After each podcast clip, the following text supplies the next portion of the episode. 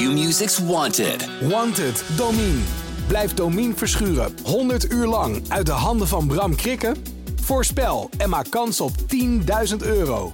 Volg het vanaf 13 mei bij Q-Music.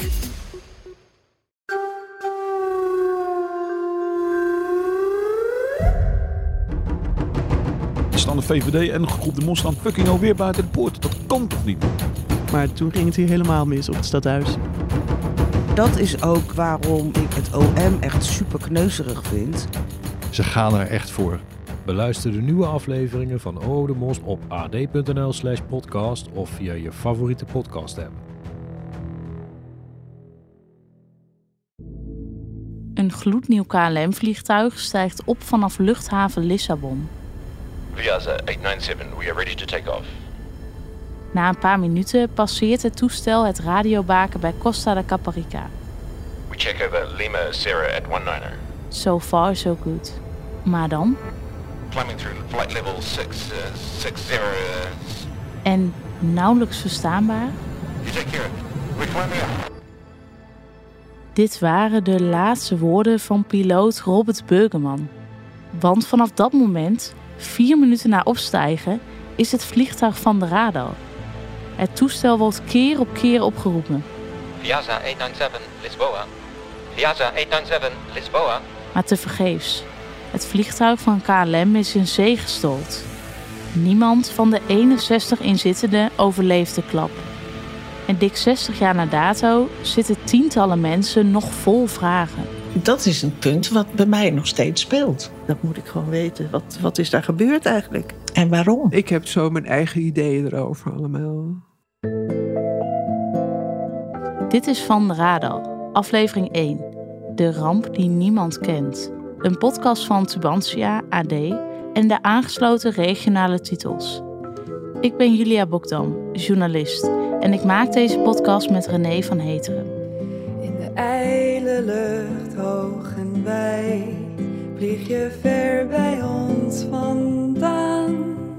Je blik op oneindig, jij durft het aan.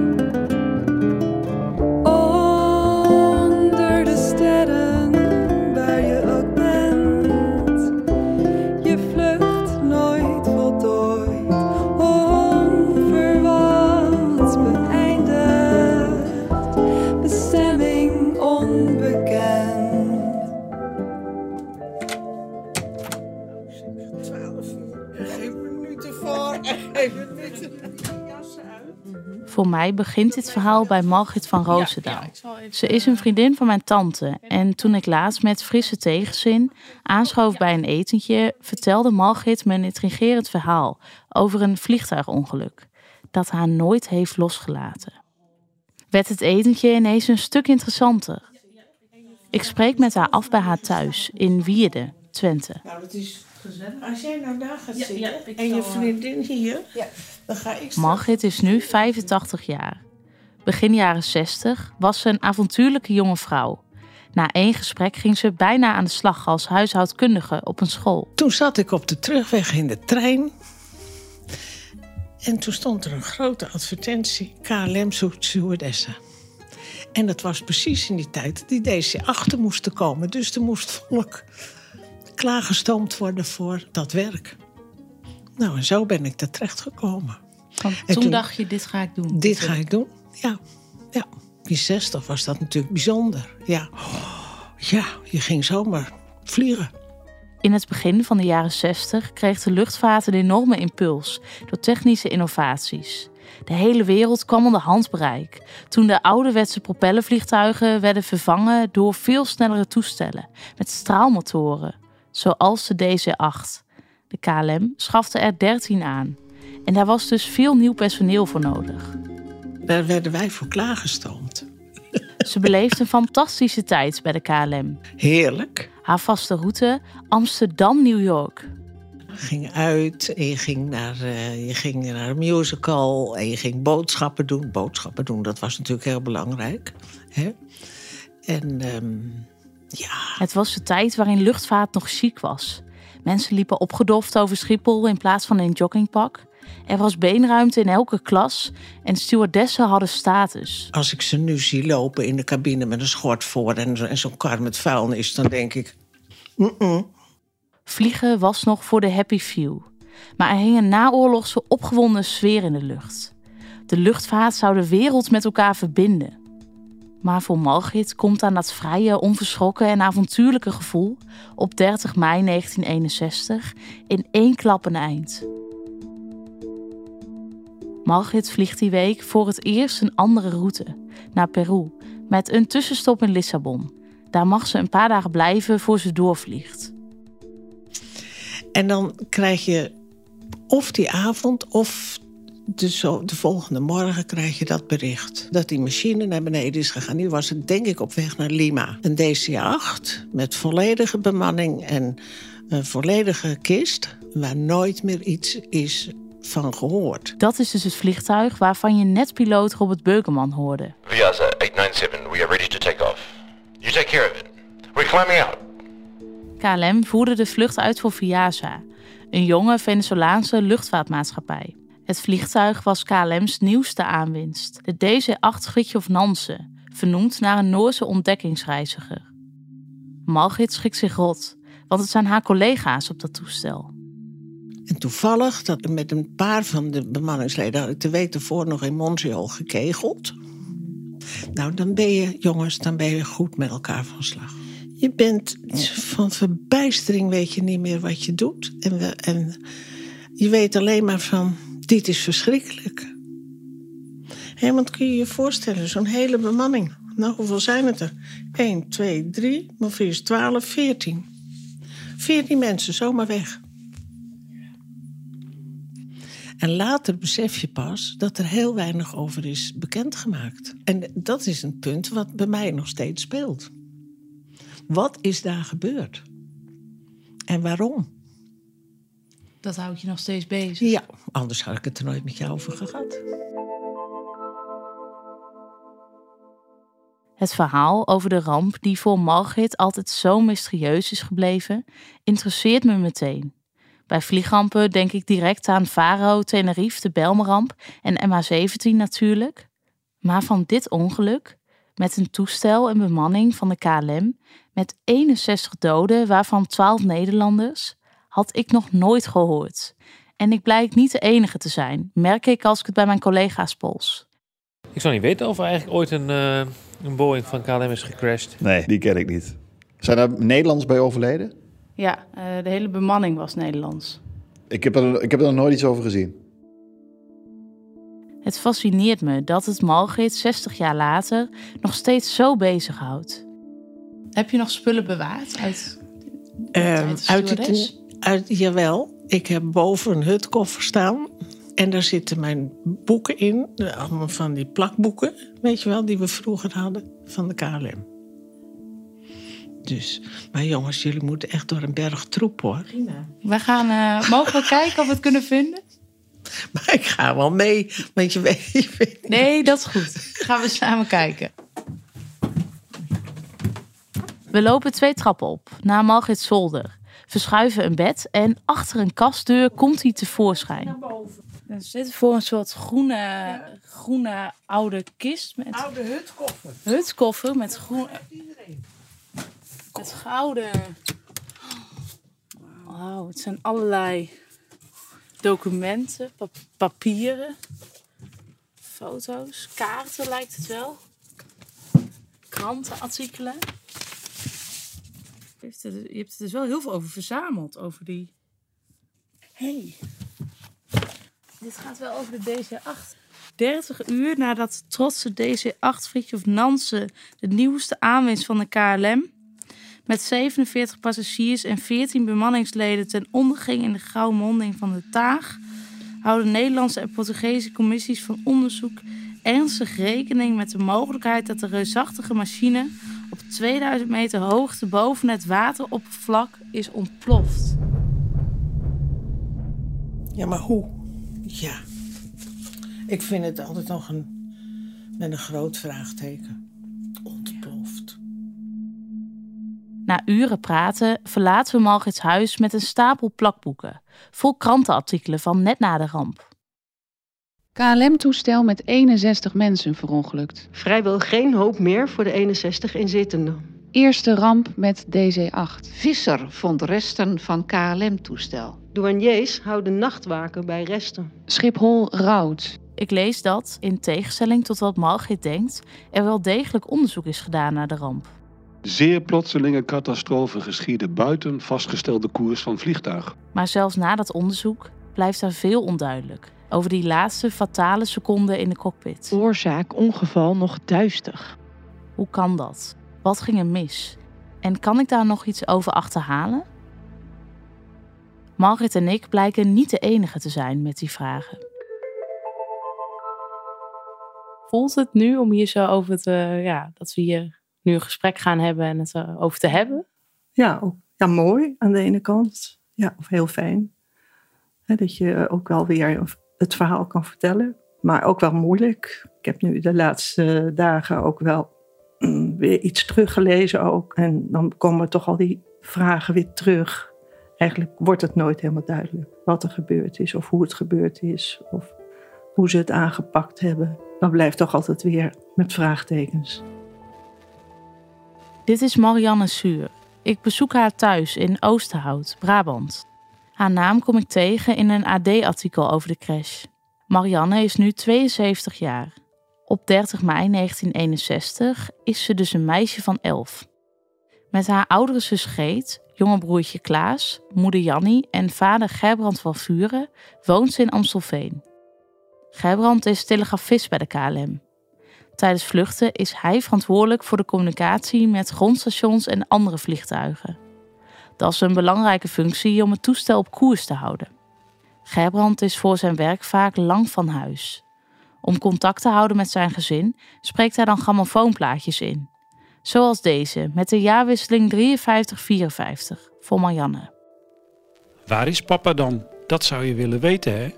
Wel, papa is ver weg in het vliegtuig en daarom heeft papa een grammofoonplaat laten maken. Strakjes als mama zegt: Gelukkig nieuwjaar, moet je dat ook tegen mama en Greetje zeggen. En niet vergeten, al je poppen. Geef ze ook maar een kusje van papa. De hond geef je een poot. Dan krijg je misschien wel een oliebol. Of heb je al zoveel gegeten dat je niet meer lust?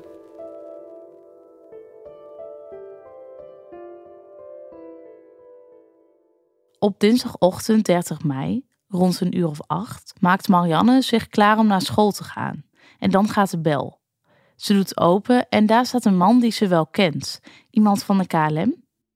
En uh, hij zei, ja, is je moeder thuis? Ik zeg, ja, ja, ja, maar die slaapt nog, want die was altijd wat later op. En uh, dus die heb ik gehaald. Zij staat dus in het halletje en hij pakt haar vast. En uh, hij zegt, ja, er is een kist verongelukt. Maar mijn moeder dacht, een kist met tennisrobotonderdelen, die importeerde ze. En ze zegt, nou ja, hè, nog een beetje geïrriteerd dat hij haar vasthield. Nee, zegt hij, het vliegtuig van de Gerdan. En, ja, en toen ben ik dus echt in een blinde paniek uh, naar boven gerold. En toen ben ik ook onder het bed gaan liggen van mijn vader of van mijn ouders. En dan ben ik gewoon echt heel moeilijk weer weggepraat. Uh, dus door de buurvrouw uiteindelijk. Dus het was gewoon echt helemaal mis. Ja. Uh, waarom ging je onder dat bed liggen? Wat... Ja, ik, ja, gewoon een soort verschuilen. Of het is niet waar. Hè? Of je hebt een hele andere wereld. Uh, ik kon het niet aan, die meditering. Haar oudere zus Geet, 13 jaar, en een echt papa's kindje, is op schoolkamp. En uh, ik weet helemaal niet eens of ik hem gedag heb gezegd. Ik heb wel briefjes in zijn koffer gedaan. Dat deed ik eigenlijk altijd. Die ochtend verzamelt de hele klas om samen te gaan fietsen. Dus we staan bij zo'n fietsenhok. Toen werd die meester die ons begeleidde, meneer Everaerts, die werd geroepen uit het hoofdgebouw daar, waar we sliepen. En die moest komen. En uh, die kwam even later terug. En onze groep, het was een groot grasveld. zie ik hem zo aankomen lopen. En ik weet niet, ik wist gelijk dat het voor mij was. Misschien omdat hij naar me keek. En toen zei hij, Greetje, je moet even met me meekomen. En toen hebben we tussen de stapelbedden, want ik moest mijn spullen pakken... moesten we met de taxi naar huis. En ja, dan kom je thuis. Er stonden al mensen voor de deur. Gordijnen waren dicht. Van die vloergordijnen hadden wij. Ik wil nooit meer vloergordijnen. Ik heb een hekel aan gordijnen gehad. Het was zo somber. Ja, dat is heel heftig. Want er komen heel veel instanties ook meteen uh, komen, uh, op je af. Tenminste op mijn moeder dan. En bellen en met familie. Gordijnen gingen dicht. Van hele zware verloren gordijnen. Dus het was donker in de kamer ook. En uh, ja, en dan de televisie, het nieuws. Was ook s'avonds. Dus dan zie je ook, ja, dan wordt het officieel. En ja, heel naar.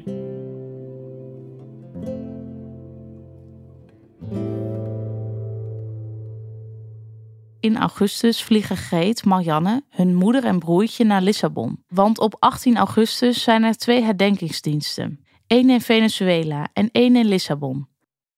En toen moest ik dus vliegen. Het was eigenlijk voor de eerste keer dat ik ging vliegen. Moet je nagaan. Maar helemaal geen centje. Ik zag de combinatie helemaal niet hoor. Nee, ik ging gewoon. Gek hè? En er was ook in een basiliek een herdenkingsdienst. Er was zo'n kist op zo'n schafuit, die grote wielen. En daar was herdenkingsdienst. En, uh... Na die herdenkingsdienst is de begrafenis. Geet ziet zeven kisten de grond ingaan. En dan lag toen een babytje in het midden.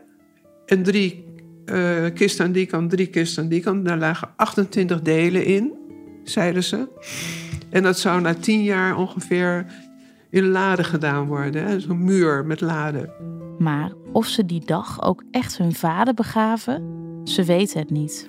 Je hebt nergens echt een fysieke uh, bevestiging. Dus geen uh, lichaamsdeel of bezitting van je vader. En die is wel heel belangrijk. Zeker voor het accepteren van een verlies. Maar ook ja, voor het verwerken. Ja, het blijft gewoon hangen. Heb je dan ook lang gedacht dat je vader nog zou leven? Ja, dat heb ik zeker gedacht. Zeker de eerste tijd, de eerste dagen. En later ook. En dat werd eigenlijk ook eigenlijk alleen maar erger. Maar iedereen had ook zoiets van... Oh, mijn vader die, uh, die kon altijd overal een oplossing voor vinden. Hij redt zich hier ook wel uh, uit. En uh, hij is waarschijnlijk op het strand terechtgekomen. En hij meldt zich wel weer of zo. Ja, krankzinnig natuurlijk, achteraf gezien. Maar... En later ook nog wel, toen ik op de middelbare school zat ook. Hè, als ik dan thuis kwam, dacht ik... Oh, hij zit nu op de bank. En dan was het eigenlijk al jaren later. Hè? Maar ja, je hoop hou je toch. Geet heeft die hoop ook lange tijd gehad, maar nu niet meer. Nee, dat kan gewoon niet meer. Rationeel kan het gewoon niet. Nee, daar ben ik nu wel overheen. Dat ik niet denk dat ik iemand in de tram zie zitten dat het te mis. Want hij is in 1915 geboren, dus nee. Maar dat heb je dus voor die tijd, toen het qua leeftijd ja. nog kon, ja. heb je dat altijd blijven denken? Ja, ja, ja. Ondanks die gigantische klap waarschijnlijk op het water, ondanks...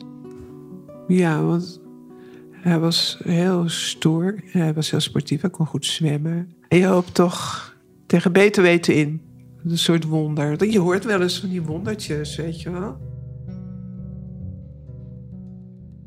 En in de hoop ooit iets tastbaars in handen te krijgen, als een soort bevestiging, blijven ze zoeken. Ieder op haar eigen manier en op haar eigen moment. Soms gaan er jaren overheen. In 2017 doet Marianne een nieuwe poging. Ze begint wat te zoeken. En dan stuit ze op iets groots. En toen zag ik dus dat archief ineens. Ja, toen dacht ik echt van, ja, dit, uh, hier wil ik inzien. Hier ga ik achteraan. Er blijken acht dozen in een archief in Den Haag te staan. Acht dozen. Vol onderzoeksverslagen, notities, foto's, correspondentie. Allemaal over de ramp waarbij ze haar vader verloor. Dat wisten we ook helemaal niet. Ja, we wisten natuurlijk wel dat het uitgezocht was. Maar dat er dus ook zoveel uitgezocht is en zoveel uh, dossiers daarover zijn. Dat ik meteen dacht, oh, dat is een stukje van mij. Ja, dat is eigenlijk mijn vader. Ja, het klinkt heel raar natuurlijk, maar... Was een soort rechtvaardigheidsgevoel Ja, dat ik dacht, wel... ja, dat, dat is eigenlijk van mij. Dat moet ik eigenlijk gewoon kunnen zien. Hè? Door een internationaal verdrag van vlak na de oorlog liggen al die stukken nog tot 2036 achter slot en grendel. Dan is Marianne dik in de tachtig. Zo lang wil ze niet wachten. Hoe voelt het dan dat je erachter komt dat er dozen, dozen Ja. vol documenten zijn, Ja. foto's, onderzoek, alles, maar dat die niet, ja, dat die geheim Ja, moeten dat- blijven? eh, Dat kan niet gewoon. Dat is gewoon eh, zo frustrerend. Ja. Dus we zijn daar ook echt eh, aan begonnen. Hè? Openbaar, of tenminste inzage gevraagd. En dat is gewoon één grote toffe ellende. De ramp met het KLM-vliegtuig is meer dan 60 jaar geleden. Maar als ik praat met Marianne, Geet en oud-stewardess Margit, lijkt het veel korter. De emoties en frustraties die ik bij hen zie, voelen nog zo rauw en puur. Het heeft zoveel impact gehad op hun leven. Voor oud-stewardess Margit vooral op korte termijn. De arts van de KLM, we hadden dus twee artsen in dienst die- bij de KLM. Die zei van, blijf jij maar eens even thuis. Ga maar eens even wat anders doen. Nou, dat heb ik gedaan. Maar bij Marianne en Geet trekt het plotselinge verlies van hun vader een blijvend spoor door hun leven. Je hoort eerst Geet en dan Marianne. Weet je wel, dat zit ingebakken in mij. Dat je denkt, dat heeft er allemaal mee te maken, denk ik. Dat, je, dat iemand weggaat en nooit meer terugkomt. Dat zit gewoon. Kijk, rationeel weet ik het. Maar het gevoel is heel iets anders. Nou, dat is dus ook een probleem eh, hierdoor. Dat je gewoon niet hecht of je heel moeilijk hecht. En ik heb dus ook echt tijden gehad dat ik dus iedereen die ik... Hè, liet ik in mijn dromen ook allemaal eerst doodgaan. Om dus die klap van dat, hè, van dat, over, hè, van dat ongeluk... dat je iemand zomaar ineens verliest... eh, om die klap nooit meer te voelen. Ik kan me haast niet voorstellen hoe dat is. Je vader verliezen bij een vliegramp, maar geen enkel fysiek bewijs hebben en altijd blijven gissen naar wat er is gebeurd. Deze gesprekken zijn voor mij de start van een maandenlange zoektocht, die me naar huiskamers en zolders door heel het land en zelfs naar Portugal brengt. Kan ik nog iets ontdekken over de oorzaak van het ongeluk? Kan ik Greet, Marianne en Margit antwoorden geven waar ze zo naar snakken? En wie weet, zelfs dat fysieke bewijs dat ze zo nodig hebben? In de volgende aflevering 50 jaar, 60 jaar gebeurden veel ongelukken. Dus mijn moeder die durfde nooit s'avonds uh, de deur open te maken. Want er kon wel eens een, uh, iemand voor de deur staan van de kamer met een heel vervelend bericht. Hoewel er geen aanwijzingen voor zijn gevonden, denken ze dat de bestuurders de macht over het stuur zijn verloren. Want ik ben best wel, hoe zeg je dat, gevoelig voor dingen. Ik ben ook gestaan. Ik denk, zit, ligt er nou iets van hem in die kist hier? Nee, ik voelde niks. Dit was aflevering 1 van Van de Radar. Ik ben Julia Bokdam en ik maak deze podcast met René van Heteren. Wil je dit soort journalistiek steunen? Sluit dan een abonnement af op Tubantia, AD of een van de aangesloten regionale dagbladen. In de ijle lucht hoog en bij vlieg je ver bij ons vandaan. Je blik op oneindig jij durft het aan. Als de zon ondergaat en de nacht valt zachtjes in, van de radar spoorloos verdwenen.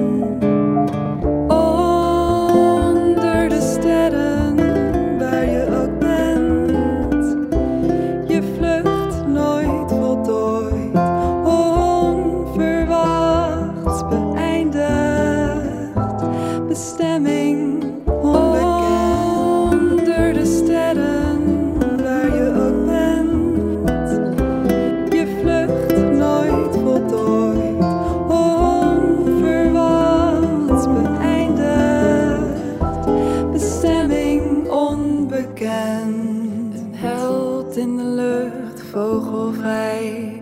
En soms voel ik je aan mijn zij het hart van de wolken. Uit een droom ontwaakt, je vloog weg, maar in mijn slaap kan ik nog altijd met je praten.